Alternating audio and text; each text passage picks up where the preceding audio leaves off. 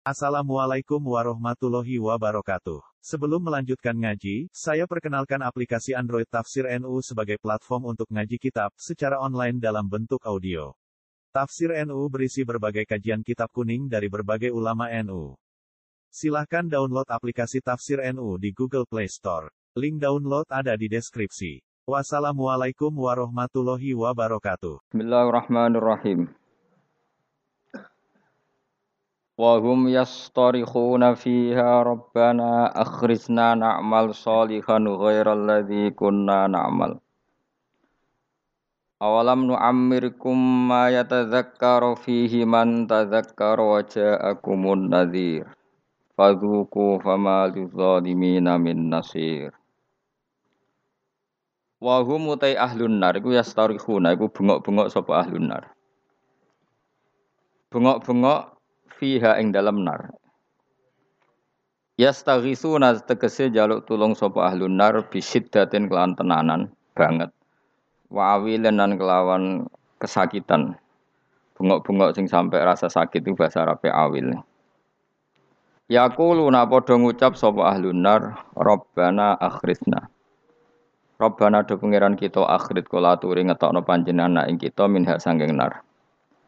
Nak wis jenengan tokno nak amal mongko mesti ngamal kita solihan ing amal soleh. Ghairal ladzi ing saliyane ngamal kuna kang wis tau ana kita nak malu nglakoni sapa kita. Kita-kita kalau kembali ke dunia pasti melakukan amal soleh yang belum pernah kita lakukan. Fayu qalu mongko den ucapno lahum kedhi ahli nar. Apa dawuh awalam nu amirkum ma yatadzakkaru fihi man tadzakkar.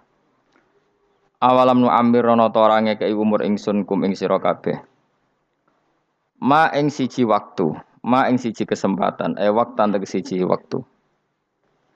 Ya tadzakkaru kang iso dadi eling, to mestine dadi eling fi ing dalam waktu sapa man wong tadzakkaru kang gelem eling sapa man. Bukankah kalian telah kami kasih waktu yang normalnya orang itu bisa menjadi ingat sama Allah Subhanahu wa taala. Wajah alan teko kum ing sira kabeh wajah alan teko kum ing sira kabeh apa anadhiru apa utusan? Ai rasulu tegese rasul. Wajah alan teko kum ing sira kabeh sapa anadhiru sapa peringatan utawa wong sing ngekeki peringatan ai rasulu tegese rasul. Atau warasatul anbiya kalau sekarang fama ajab tu mongko ora nyembadani sira kabeh. Fadhuku mongko ngicipono sira kabeh utawa ngrasakno sira kabeh. Fama lidzalimina min nasir Famali zalimina mongko ora ana iku kedue pira-pira wong zalim ail kafirin min nasir te wong sing nulungi. Yatfau kang iso nolak sapa nasir ala daba ing siksa anhum sangking adzalimin. Orang-orang kafir itu tidak ada penolongnya. Inna wa satuna wa ta'ala wa alimu wa ibis samawati iku dat sing mirsani barang wa ibe pira-pira langit wal ardi lan bumi. Inna wa satuna wa ta'ala wa alimun dat sing mirsa bidati sudur lan ati. Ai bima tegese kelan perkara fil qulubi yang dalam pira-pira ati. Ati sing samar wae Allah pirsa. Fa ilmuhu mongko te pirsane Allah. Fa ilmuhu mongko te pirsane Allah biwirihi kan liyane mafi sudur. Iku awla luweh utama. Binadzari kelawan ningali ila halinas maring ukuran manusa.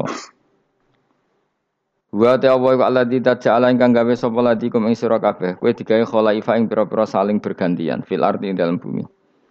Utai lafat kholaif jamu kholifatin jama lafat khalifah lufu sing genti sobat dugum sebagian surah kabeh badan sebagian. Ya dalam jabatan maupun dalam kehidupan itu saling silih berganti. Faman mongko tesapane wong kafar iku ngafiri sapa man mingkum sangi sira kabeh fa alihi mongko melarat ing atase man. Kufruhu utawi musibah kekafiran man. Orang yang kafir maka akan dapat akibat dari kekafirannya. Ewabalu kufri tegsentuk prahara atau musibah kekafiran iman.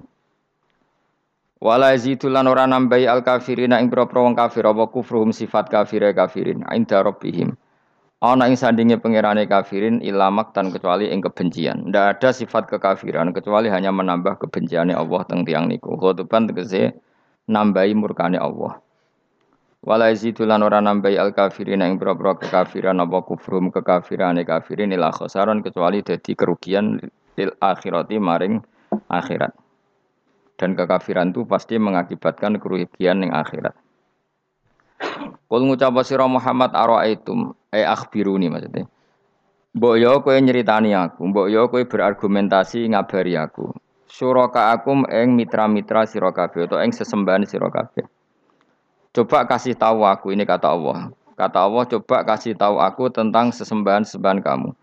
Tatuna kang nyembah sira kabeh tak buduna tegese nyembah sira kabeh min dunillah sanging liyane Allah akhirih tegese liyane Allah. Wa hum teladina iku alasnamu misale pira-pira berhala. Alladzina rupani asnam za'amtum kan nyangka sira kabeh annahum sak temne asnam syuraka Allah iku pira-pira mitrane Allah sama-sama berstatus Tuhan. Kata Allah kalau itu betul mereka Tuhan aruni. Merohno sira kabeh. Coba kasih tahu nih ing ingsun akhbiruni tegese ngekeki weruh sira kabeh ning ingsun. Mada ing apa kholaku gawe sapa syuraka minal arti sanging bumi. Kalau mereka itu Tuhan, coba kasih tolong aku, beritahu apa prestasi mereka, apa ikut menciptakan bumi. Am lagu mono tau tai para syuraka wisirkun ikut andil, sirkat untuk melok andil ma'awoy sertane Allah fis samawati ing dalam gawe pira-pira langit e fi khalqis samawati itu ing dalam gawe pira-pira langit. Am atena humu toto paring ingsun hum ing syuraka kitab ing siji panduan kitab, siji aturan kitab utawa panduan kitab. Fahum mongko te syuraka iku ala bayinatin ing atase kejelasan, maksudnya argumentasi ilmiah, hujjat dan tegese argumentasi ilmiah menunggu sangking ilah kita. Misalnya bi anna lahum klan sak temene tetep kedhi syuraka ma'i sertane ingsun sirkatan ana kontribusi, ana sirkah, ana andil. Lah, saya amin dalik. Niki titik ya, titik La saya tegese ora ana apa-apa iku mujud, enggak ada kontribusi mujud min dalika saya mongkon-mongkon kabeh. Bal iya itu zalimun. Eh maya itu. Balik ora bakal janjeni sapa adzalimun pira perang zalim ayil kafirun ba'du sebagian zalimun ba'dan sebagian ila khururon kecuali janji sing palsu. Batilan tegese janji sing palsu. Biqaulihim kelawan pengucape kufar misale al asnamu te pira-pira berhala iku tasfa'u nyafati apa asnam lagu maring kufar. Mun titik. Inna wa sa'atuna wa ta'ala yumsiku iku ngeker sapa Allah, saya ngendhalekno sapa Allah samawati ing pira-pira langit wal ardo lan ngendhalekno bumi. Allah itu yang mengatur mengendalikan langit dan bumi antazula supaya entah ora aslek apa langit dan bumi, tidak bergeser atau tidak gugur atau tidak jatuh, ora aslek. Ayam nak utus nyegah sapa taala huma ing samawatan arat minaz zawali saking zawal, saking aslek, cara Jawa aslek bergeser. Wala in zalata in amsakahuma min ahadim min ba'di. Wal in zalata umpama aslek apa samawatan arat utai lam iku lamu kosam enam kosam. Wa la in zalata. In amsaka mongko iso nyekel huma ing samawat lan arat yumsik tegese ora iso nyekel huma ing samawat lan arat sapa min ahadin sapa wae min ba'di sanging saliyane Allah isi wahu tegese saliyane Allah. Kalau langit dan bumi itu aslek atau runtuh, tidak seorang pun bisa menahannya. Innahu satamna. Lah kenapa sekarang belum runtuh? Innahu satamna Allah iku kana ana sapa haliman dat sing akeh apiane Ghafuran tur akeh nyepurane. Misale fi takhiri qabil kufari ing dalem ngakhirno siksane pira-pira wong kafir.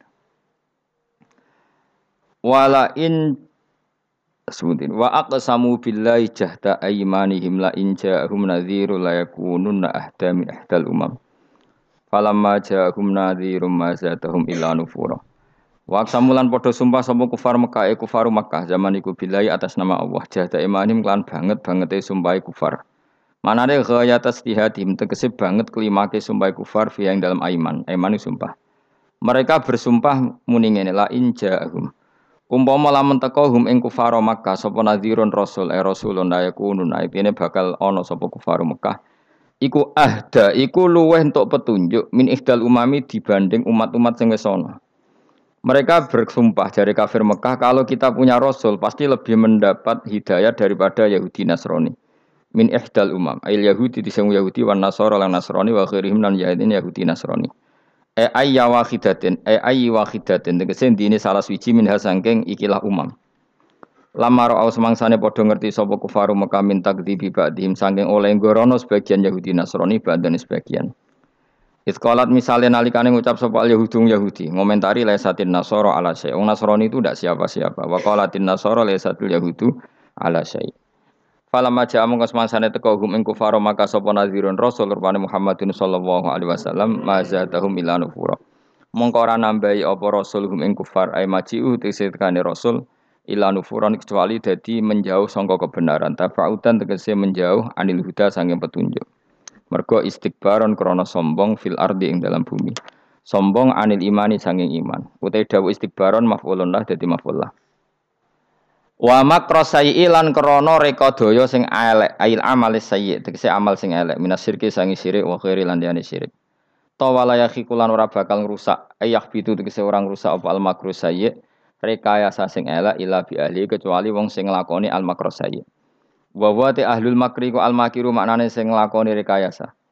Wa wasul makri uta nyifati lafat makron fisai iklan lafat sayi ku aslun ku asli. Rekayasa yu ingkang elek al makru sing asaye.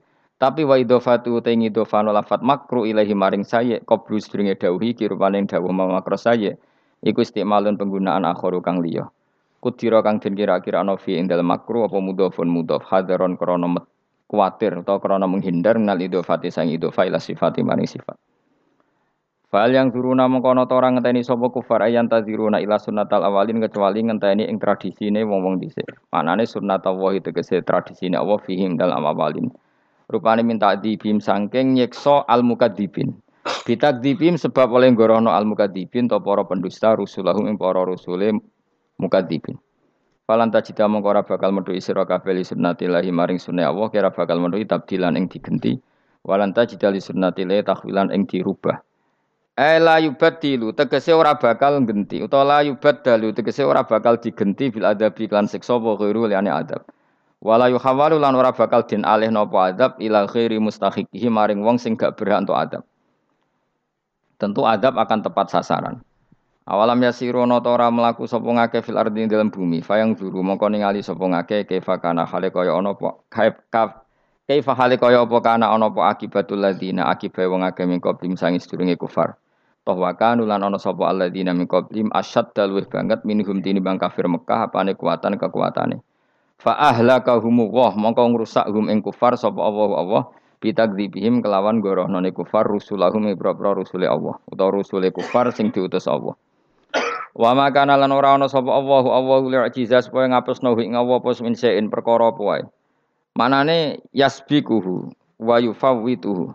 Tegese ora bakal disi apa syai'un Allah wa yufawwitu lan iso nglolos napa syai'un Allah. Kalau Allah berkehendak ndak ada yang bisa menyalip kehendak Allah. Fis samawati kang dalam pira-pira langit wala fil ardi lan ing dalam bumi. Inna usatan wa ta'ala iku ana sapa wa aliman den sing pirsa bil asya iklan pira-pira perkara kuliah kabeh asya qadiran tetet sing akeh kuwasa alih ing atase asya. Walau yu akhidu wa. Nah, kalau terangaken ya mungkin ngantos surat Yasin.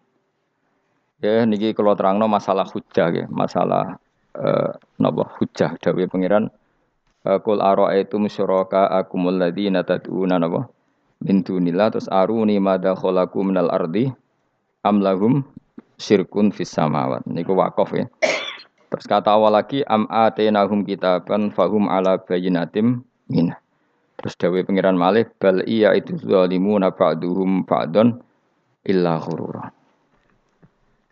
Kalau terangkan ya, jadi di antara mukjizat Quran niku kamalul bayinah. Kalau memberi penjelasan itu sempurna. Sehingga ulama mengatakan imanul mukallid, imannya orang-orang sing asal ikut kiai, asal ikut guru, asal ikut buku, itu mukhtalaf alaih. Eh, bahkan saya sendiri cenderung mengatakan iman itu tidak diterima. Karena manusia dibekali akal, inginnya Allah itu dengan akal itu dia punya kepermanenan iman, apa? punya kepermanenan apa? Iman dan dengan itu dia imannya mujma'aleh, mesti diterima oleh Allah Subhanahu wa taala karena bin nadzari dengan logika yang ben, benar. Eh, dan logika yang benar itu gampang sekali. Eh, beberapa ulama tentu tahu sekali, bukan sekedar tahu, tahu sekali karena itu diajarkan Allah dan Rasul. Misalnya begini, kata Allah, saya kalau baca ayat-ayat ini itu sering nangis karena Allah yang Tuhan itu sebenarnya tidak butuh kita. Saya ulang lagi, Allah yang Tuhan itu tidak butuh kita, juga tidak butuh iman kita. Tapi Allah ingin hambanya itu berakal ya, karena agama itu likaumi yakilun sehingga berpikirnya benar. Misalnya gini kata Allah, nggak apa-apa, kamu menuhankan selain saya itu nggak apa-apa kata Allah. Nggak apa-apa Yesus kamu katakan Tuhan nggak apa-apa, kamu katakan batu Tuhan nggak apa-apa. Tapi tolong prosedur ya prosedur atau persyaratan menjadi Tuhan itu kamu lengkapi, yaitu punya prestasi menciptakan langit dan bumi. Kalau tidak semua surun semen kata Allah, sementing urun. Gitu. Jadi sebetulnya itu kan rasional. Misalnya nggak apa-apa kamu merasa jadi presiden atau gubernur atau jadi wali atau jadi apa. Yang penting prosedurnya dipenuh penuh. Itu kayak apa Allah baiknya pada kita. Sehingga saya berkali-kali makanya menurut saya orang alim itu wajib memaklumatkan kalau dirinya alim supaya jelas aturan mainnya. Yang dilarang Allah itu kan memaklumatkan alim kemudian ingin hadun nafsi ingin salam itu template dicucup dihormati itu kriminal. Itu orang alim gendeng itu, sudah, sudah gendeng sekali. Karena khasnya orang alim itu tentu cari ridhonya Allah, bukan ridho khalqi, bukan ridhonya apa? makhluk. Makhluk itu lah ada siapa-siapa. Dan kita harus baku seperti itu. Kenapa kalau orang alim nggak memaklumatkan kealimannya itu dikatakan salah? Karena fungsi orang alim adalah membawa bayinat membawa ayat-ayat Allah, bukan kepentingan apa? pribadi. Makanya Rasulullah nanti duka ngendikan idza zuharatil fitanu wal fida'u falyudhiril alim ilmahu wa illa fa'alaihi la'natullah wal malaikati wan nasi ajmain. Jika zaman akhir banyak bid'ah, banyak kebodohan, maka orang alim wajib menampakkan kealimannya. Jika tidak, maka dia malun, dilanati langit dan bumi. Karena sebetulnya logika tentang Tuhan itu gampang sekali. Saya ulang lagi ya. Saya punya sekian contoh betapa tauhid itu mudah. Jadi kalau ada orang bilang ikhlas itu angel, Gus. Ya dia dia sendiri goblok karena nggak tahu logika apa. Ikhlas itu justru gampang. Misalnya kamu ngamal demi manusia, manusia itu umurnya hanya berapa coba? Kan pasti mati. Lalu kalau dia mati tidak berkutik, bagaimana Anda bersandar sama seseorang yang mati dan tidak berkutik? Sama-sama bersandar sama zat sing al-hayyul qayyum, sama zat yang abah abadi. Kamu latih terus akal kamu. Misalnya saya punya jamaah banyak, mereka itu kan nggak jelas surganya. Kok harap harap syafaatnya piye? Soalnya jamaah aku pun rokok kabeh. Kan nggak nggak mungkin nyafaati saya. Atau mereka mlebu swarga kabeh, sudah sibuk kelon mbek widadari. Mungkin ya ndak ngurusi saya. Jadi dua kemungkinan itu sama-sama ndak ngurusi saya. Mlebu neraka ya rasa nyafaati kan mlebu swarga. Udah sibuk napa? Ngeloni widadari karena trauma di bocah elek, melarat macam-macam. Sehingga kiainya saja Wis ora takok Gus Baneng ndi wis ora takok. Seribet dhewe no. Nah, tentu saya juga sibuk sowan pangeran sudah saya itu makom saya sudah sibuk sowan pangeran wis kowe. Kowe pesta seks sing kula sowan pangeran. Wa swargame wayate pokoke inna ansa ana gunna napa? Insa'a faja'alna gunna. Abkaro bar kelon dadi perawan neh berarti keloni. Kula insyaallah melok daftar sing fa'ama ingkana minal muqarrabin farauhu warehan. Jadi surganya mukorobin itu nggak ada sifatnya. Di situ nggak dibakas bidadari makan-makan nggak, tapi farauhu warehan. Satu surga yang sifatnya rohani, karena nggak bisa disifati. Tapi saya daftar di situ ya hanya beberapa jam. Baru itu gabung. Sawangane kok raro rasane wong ayu juga keberatan. ya tapi saya tentu punya dua kelas supaya punya kartu premium dan ekonomi. Saya ndak ndak tertarik lah daftar yang premium dok nanti repot apa. Saya itu sering nangis kalau baca ayat seperti ini. Bagaimana Allah yang Tuhan kemudian ndak butuh apa-apa, tapi Allah saking baiknya itu membuat tatanan logika kita. Saya ndak akan bosan-bosan sampai sewan Allah.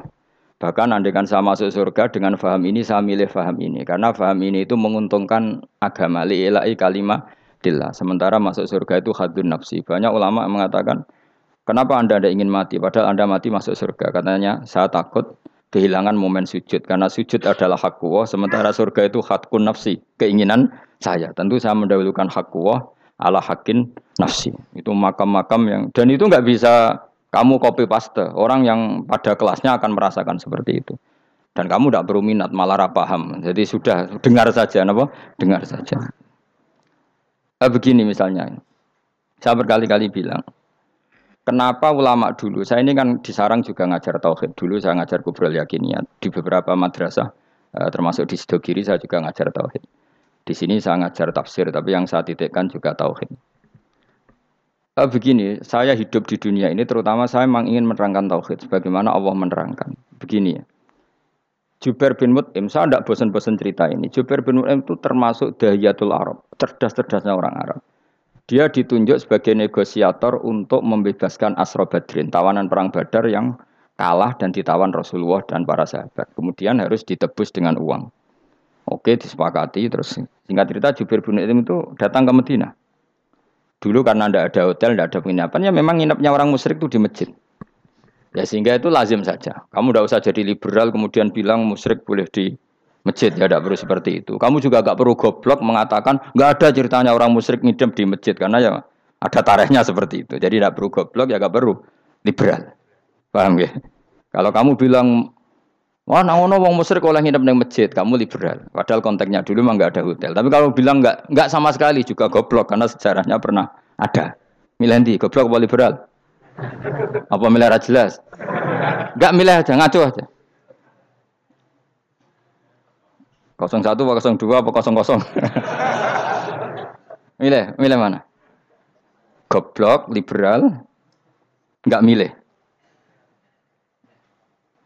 Nah, ketika Jubair bin itu datang, delalah Nabi itu sholat maghrib ngimami. Nabi baca surat Wattur wa kitabim mastur fi rabbim mansur wal baitil ma'mur.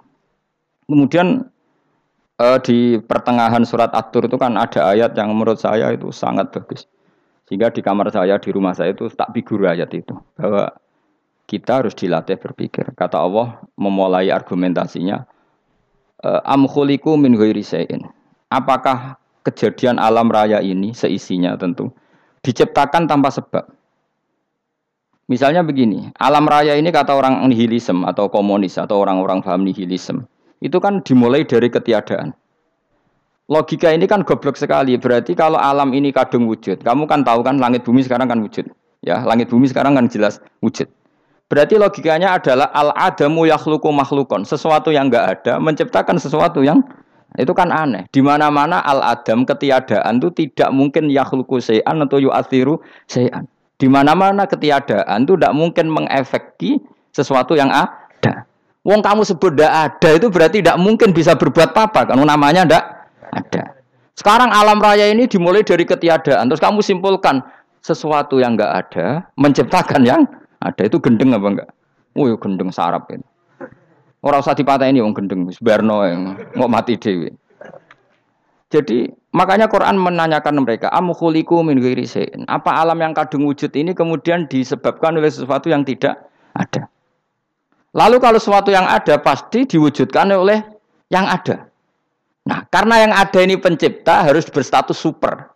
Nah, super ini oleh ulama disebut wajibil wujud. Maka Allah bersifat super, wujud yang paling prima, yang kau usah prima. Karena pencipta tentu kelasnya harus di atas yang diciptakan. Makanya disebut ulama dulu nyebut Allah itu apa? Wajibil wujud.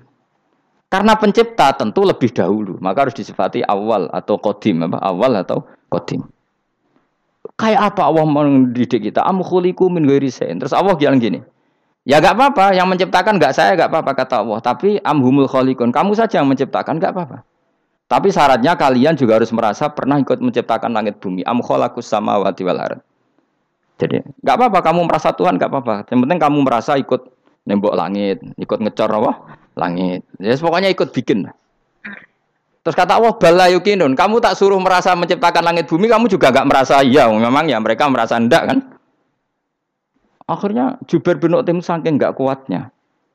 Am khalaqus samawati wal ard balla yuqinun amin dahum khuzun.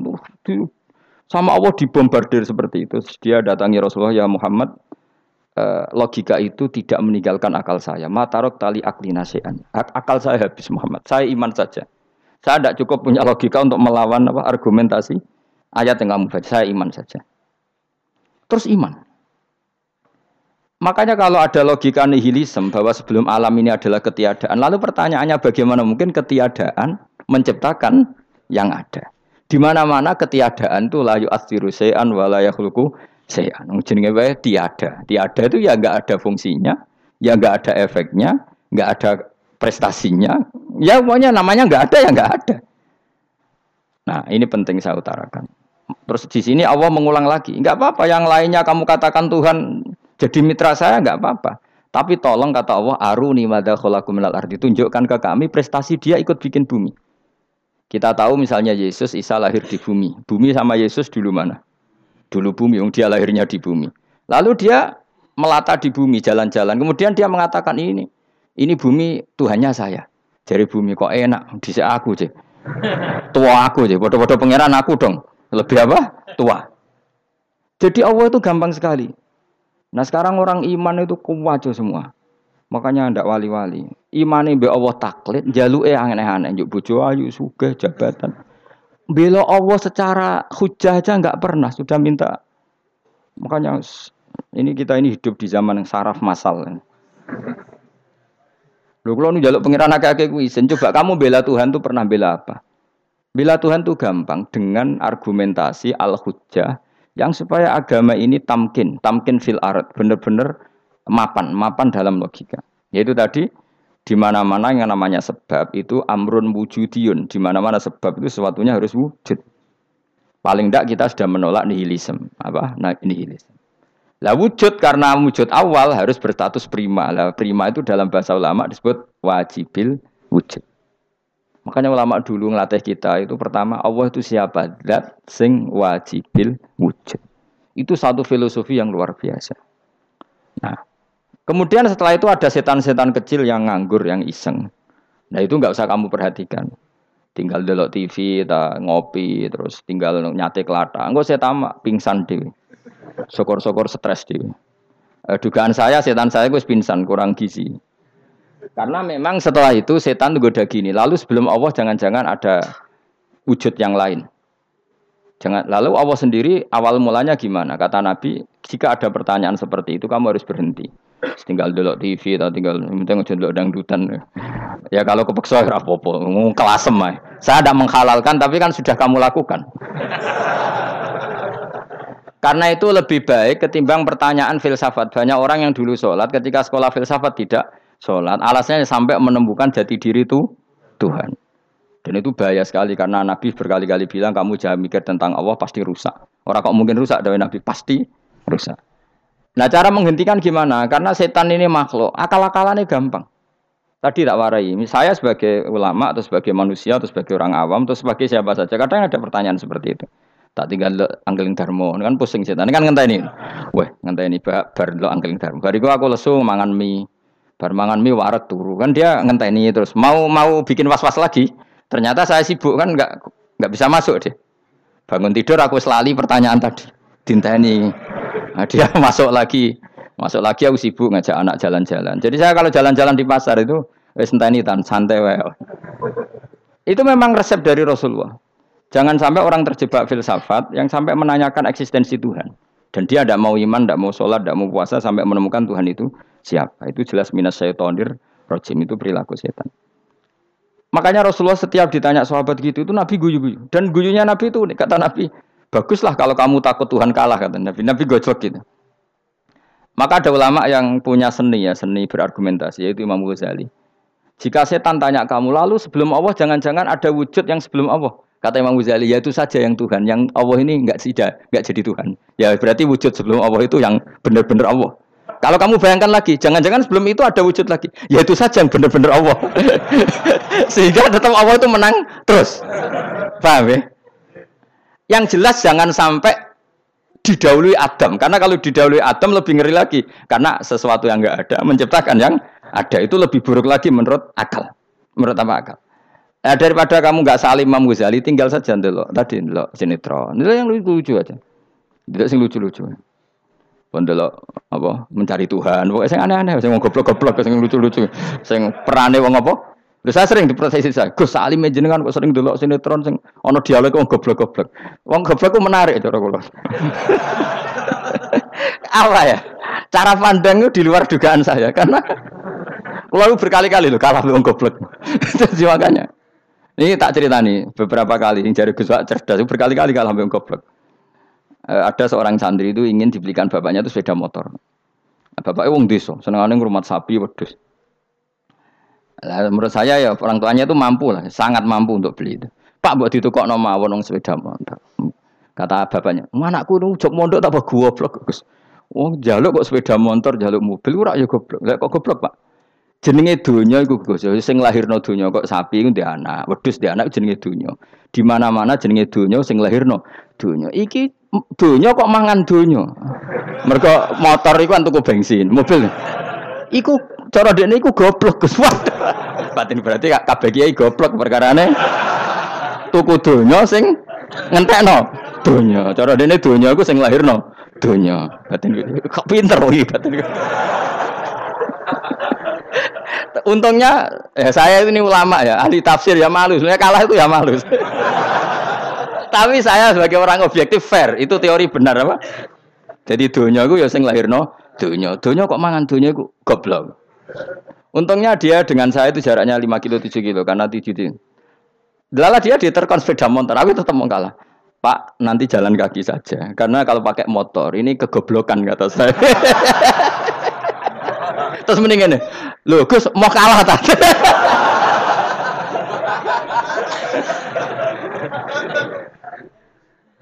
Wah kacau. Singkat cerita dia bersikeras, nggak mau beliin sepeda motor anaknya karena di mana-mana dunia gue sing lahir no dunia, nggak boleh dunia kok mangan. Ini satu kegoblokan yang agak ilmiah tadi. Nah, Imam Asari juga mengalami hal yang sama. Imam Asari itu punya kita kalau ahli sunnah kan dua partai ya. Ya, dalam ahli sunnah itu hanya ada dua partai juga. Kalau nggak Asari ya Maturidi. Dan sama-sama alim. Ya. Kalau terpaut ya paling 5 persen, 7 persen ya. kealimannya Asari dan Maturidi. Imam Asari itu bikin logika yang jelimet seperti saya sekarang ini, logikanya jelimet, tapi permanen. Jadi yang saya ajarkan tadi itu logika yang jelimet tapi apa? Permanen. Karena tadi alam raya ini kadung wujud. Kalau kadung wujud pasti pewujudnya yang menciptakan wujud pasti adalah kewujudan. Karena al adam layu asiru sayan. Di mana-mana kenihilan tidak yu asiru sayan. Ya sepakat ya, gampang kan? Tentu wujud ini prima disebut wajibil wujud. Lalu Imam Asyari itu bersikeras. Kalau imanul mukol itu tidak diterima. Terus banyak yang keberatan ulama, tapi Nabi nyatanya yaktafi bi imanil arab al kholina anin nadur. Nabi nyatanya mencukupkan imannya orang-orang bedui yang mereka itu kayaknya tidak bisa mikir. Ya, Nabi yaktafi bi imanil arab, arab itu wong desa al kholina anin nadur yang mereka itu tidak bisa apa? Berpikir. Singkat cerita Imam Asari survei. Coba ayo kita tanya orang-orang kampung. Ternyata kegoblokan orang kampung itu ya ilmiah, masyur itu. Imam Asari saja harus belajar dari wong awam, wong goblok-goblok. Kita kok ingin ya Badawi bima araf tarobak. Kue kok iman be Allah itu bima araf tarobak. Lalu kamu tahu Tuhan kamu atas nama apa? Dengan logika apa? Jawabnya enak ya. Al ba'ratu tadullu alal ba'ir wa asarul akdam ya dulu alal masir. Angger ana tletong ya ana ontane. Angger ana bekas delamaane wong ya ana sing barli wat. Jadi misalnya ada bekas teracak anjing, berarti anjing habis liwat. Ada bekas apa ular ya berarti ular harus liwat. Ada bekas tercak manusia ya berarti manusia habis liwat. La wahadal alam asarun min asari kudrotillah. Alam iki bekas, mesti ono sing gawe. Jadi Mas Ari pinter juga, mesti logikanya gak jelimet tapi agar ono letong, ono ini, ono teracak wong berarti ono sing bar liwat. Dia ngomong gampang wa asarul akdam ya dulu alal masir. Nah, Terus Imam Sari habis itu ngendikan, ya sudahlah dengan logika apa saja. Meskipun karena Zori Hadal Arabi sebagaimana cara berpikir Bedui ini, sementing ada nazar. Apa? Ada? Ada nazar. Ya nazar apa saja. Misalnya orang ahli matematika mungkin bilang angka dimulai dari satu. Nol itu akal-akalane khawarizm. Mereka ini kebingungan nulis sepuluh. Tapi tetap angka itu dimulai dari satu. Kalau misalnya satu untuk, untuk mecah kesulitan ya harus dimulai 0,1. Tidak bisa nol tok.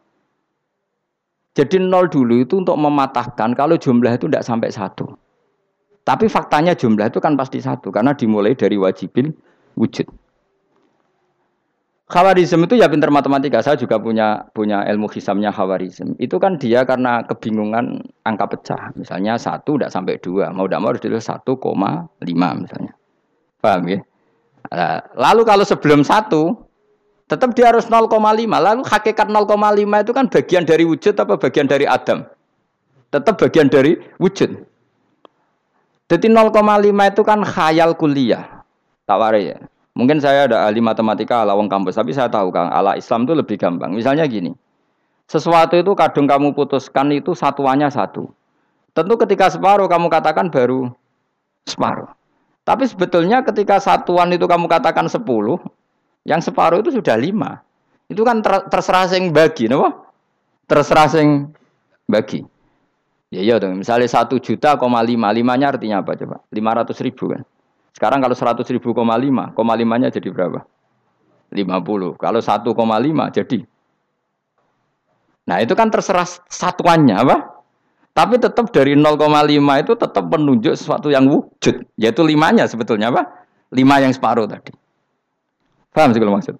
Tetap nggak bisa sesuatu dimulai dari apa? Nol. Nah, makanya kata Abdul Hamid Khan kalau dalam mendidik tauhid, itu gampang saja tadi. Alam raya ini kadung maujud, kalau kadung maujud pasti disebabkan oleh sesuatu yang wujud. Karena wujud pencipta harus berstatus prima. Lah prima ini atau premium ini kita sifati wajibil wujud. Atau kamu katakan apalah kausa prima atau musabibul asbab. Nah kelirunya kita dalam berislam itu, kritiknya para ulama, kita ini nyebut Allah dulu baru menceritakan status Allah. Kalau zaman Nabi itu dibalik status wajibil wujud itu kita terangkan dulu, baru yang oleh Islam itu namanya Allah. Paham ya? Kan beda, misalnya gini logikanya gini, kamu ketemu orang ateis, saya ulang lagi, kamu ketemu orang ateis, terus kamu ditanya, lalu alam ini yang menciptakan siapa? Allah Jalla Jalalu. Mesti kan tanya, man huwa Allah, Allah itu siapa? Kalau dulu Islam mengajarkan kayak gitu, surat pertama turun apa coba? Ikro, ikro itu gak nyebut kata Allah, ikro bismi robbika. Robbika itu siapa? Alladzi kholak. Sebutlah nama Tuhan. Yang berhak menyandang Tuhan adalah dat yang pencipta. Itu tidak ada kata Allah. Di surat Mudasir, surat kedua. Ya yual mudasir kum fa'angdir warabbaka fakabir. Bukan Allah fakabir, warabbaka fakabir.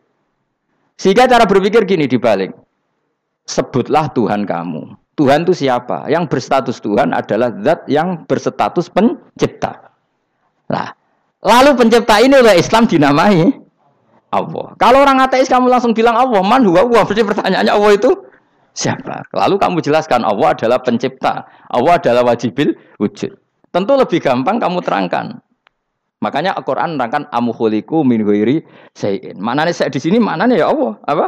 Allah. Apakah mereka diciptakan tanpa pencipta? Tentu setelah Islam tahu itu namanya siapa? Allah.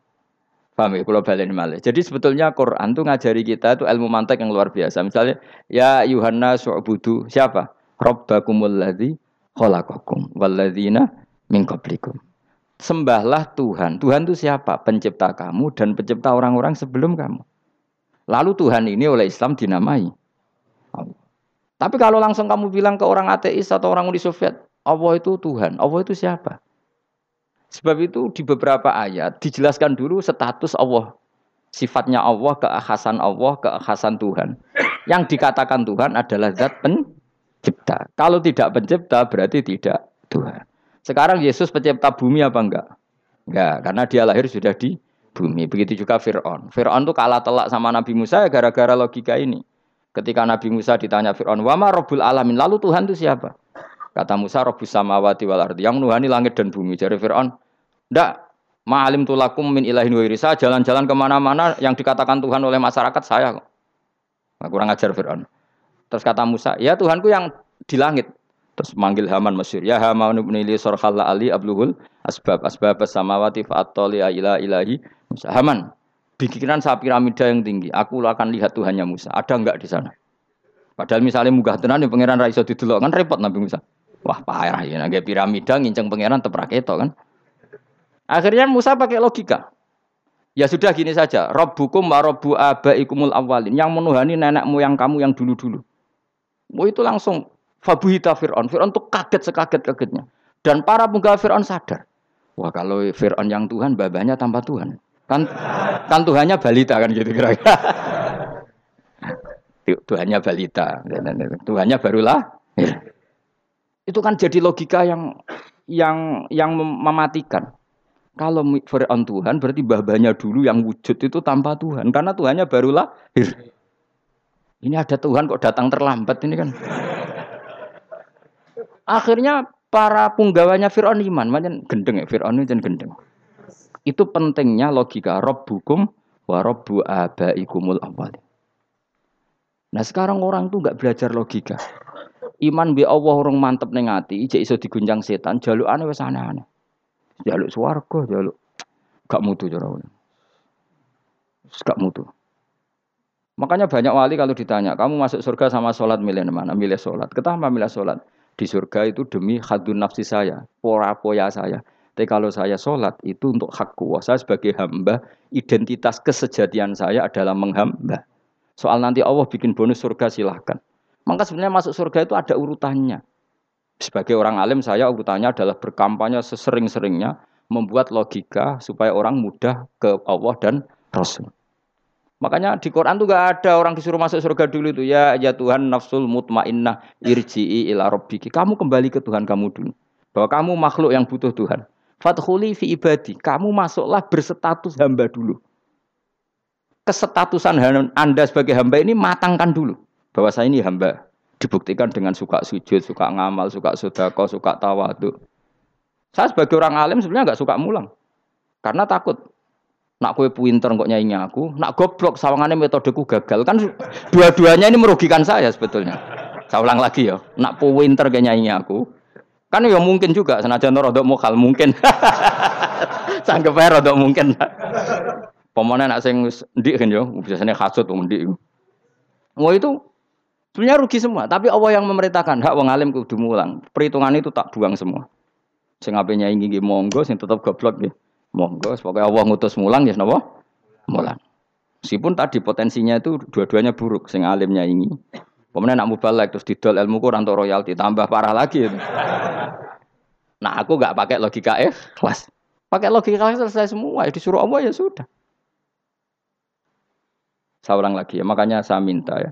Surat Tur itu dibaca. Makanya baca Quran itu jangan terlalu egois. Jaluk suwargo, jaluk suwargo statusnya dulu itu fadkhuli fi ibadi. Kehambaan Anda posisikan yang mantap.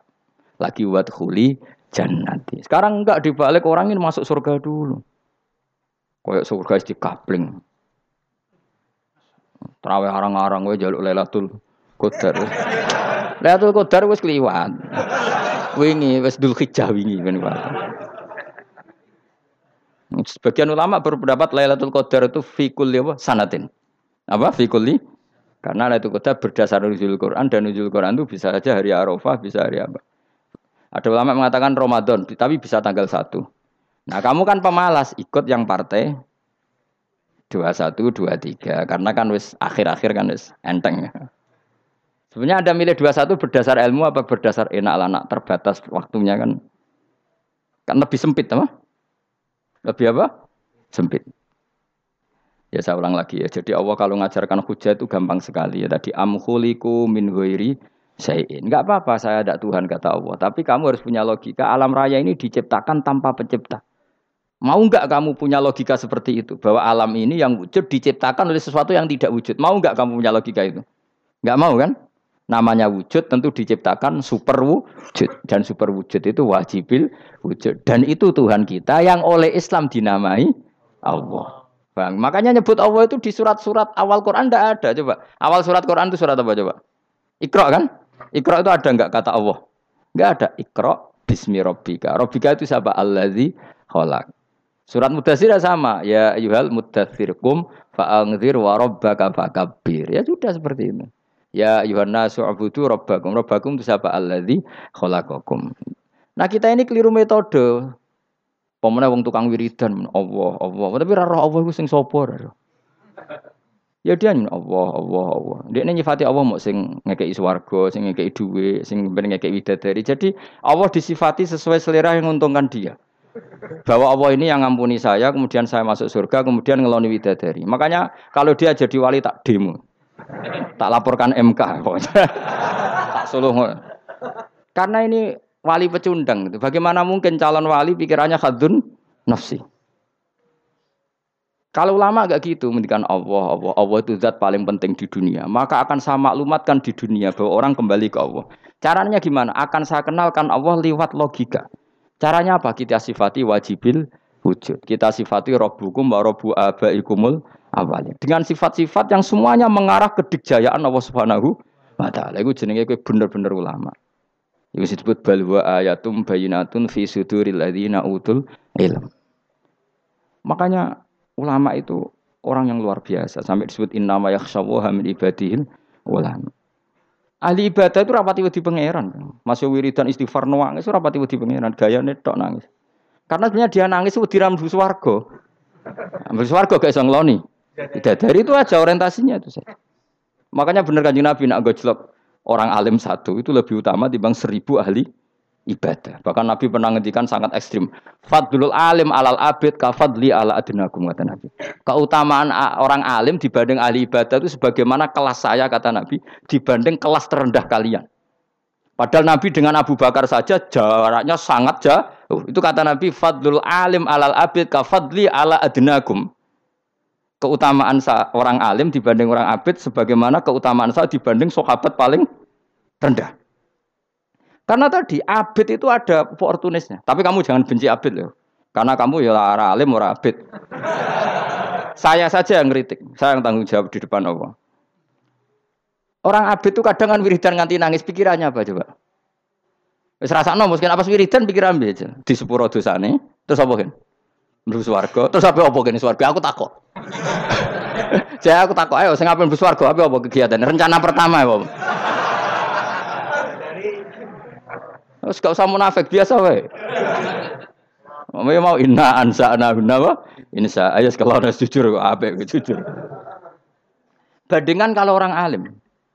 Orang alim itu ketika nyebut Allah itu iri, iri ya Allah. Kenapa di dunia ini ada makhluk lain yang menandingi engkau? Saya tidak ridho. Kenapa di dunia ini ada syarik orang yang dimitrakan seperti engkau?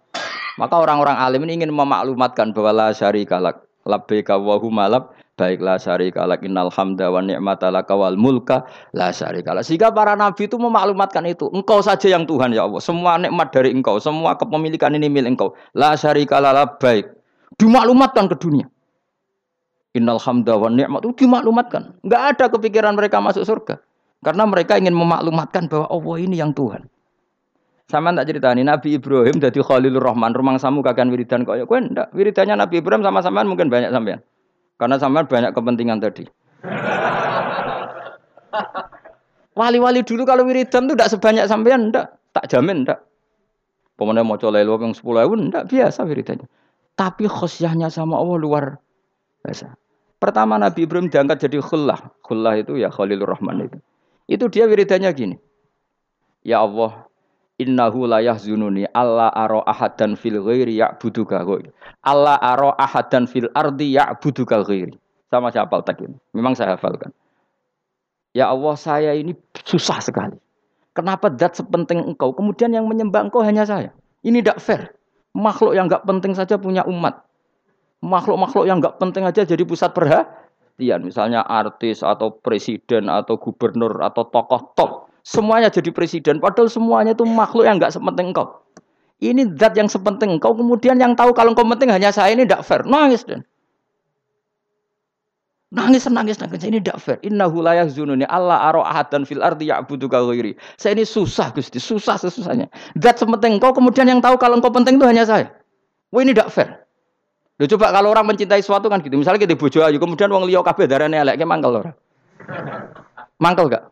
Kamu beli Alphard. Kamu kira itu mobil mewah. Kemudian orang nyejajarkan podo bek carry, mangkel gak?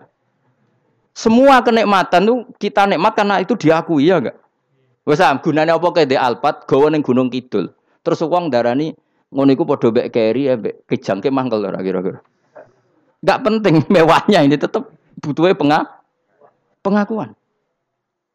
Coba misalnya kamu jadi presiden hidup di dunia orang sufi. Sing darah yang penting wong soleh hari sujud ora kakuati ke. Kita kau di Barnos. Karena itu hormati situ hanya orang apa so? Soleh. Kakuati gak? Mau kakuati kan? Atau kowe jadi artis top teko ning daerah Gunung Kidul wong desa-desa terus diundang lek.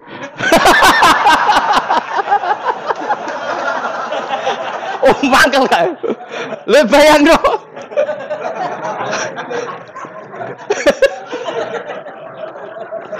Oh, kamu menteri top, menteri BUMN, barang dolan itu sudah diundang le. Mados walang le ngono. oh, semua kan. Karena orang keren itu butuh pengakuan apa? Wes misalnya di bojo ayu terus wong liya kabeh darane elek mangkel gak? Sebetulnya orang merasa nikmat itu karena pengakuan. Bayangkan kan orang itu melihat alpat itu tidak wow. Orang punya alpat gagah enggak? Oh, gak gagah kalau orang lain gak bilang apa? Oh. Ya mau misalnya digoning desa terus orang wong desa nganggap kamu model tepak terus terus saya mau Badhe numpang wedhus kula angsal, Pak. Ati. Habis kan. Makanya brand branded itu harus dimaklumatkan. Nah, itu bayangkan Nabi Ibrahim.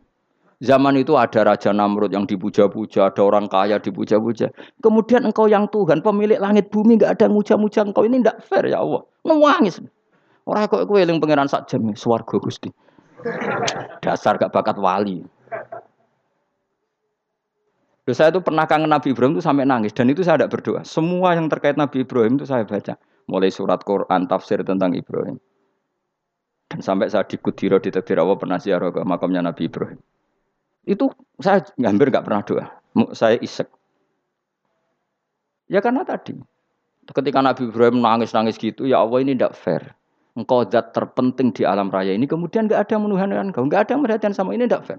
Susah sekali, karena yang tahu engkau Tuhan itu saya tok. Masyur itu sama Allah. Karena Ibrahim nangis-nangis itu, terus sama Allah diterbangkan ke langit. Itu disebut wakadhalika nuri Ibrahim malakutas sama. Di langit ada jutaan malaikat sujud, jutaan malaikat ruku, jutaan malaikat baca tasbih. Nabi Ibrahim oke Gusti kalau gini ya benar ini baru benar kata Makanya terus Allah dengan keangkuhannya karena Allah punya sifat angkuh dan itu sah walahul kibriya kan sifat angkuh baik untuk Allah tapi tidak baik untuk makhluknya dan Allah dengan sifatnya walahul kibriya Kata Allah, kalau nasihati para nabinya, kamu tidak usah susah. Jika di bumi jarang orang nyembah saya. Innalladzina inda rabbika yusabbihuna lahu billaili wan nahar wa hum la yasamun. Kamu tenang saja. Orang yang di sana di langit-langit itu maksudnya para malaikat itu bertasbih siang dan malam. Wa hum la yasamun dan mereka tidak berhenti-henti, tidak bosan-bosannya bertasbih. Jadi Nabi itu baru terhibur kalau yang diidolakan itu keren. Itu Nabi, itu wali. Itu wali kutub, itu wali. Kamu enggak nyebut Allah itu Sebenarnya kamu kan enggak ingin kan bangun malam ingat Allah. Berhubung utamu akeh. Terus Allah mbok libat, mbok nyaur kan sebenarnya itu.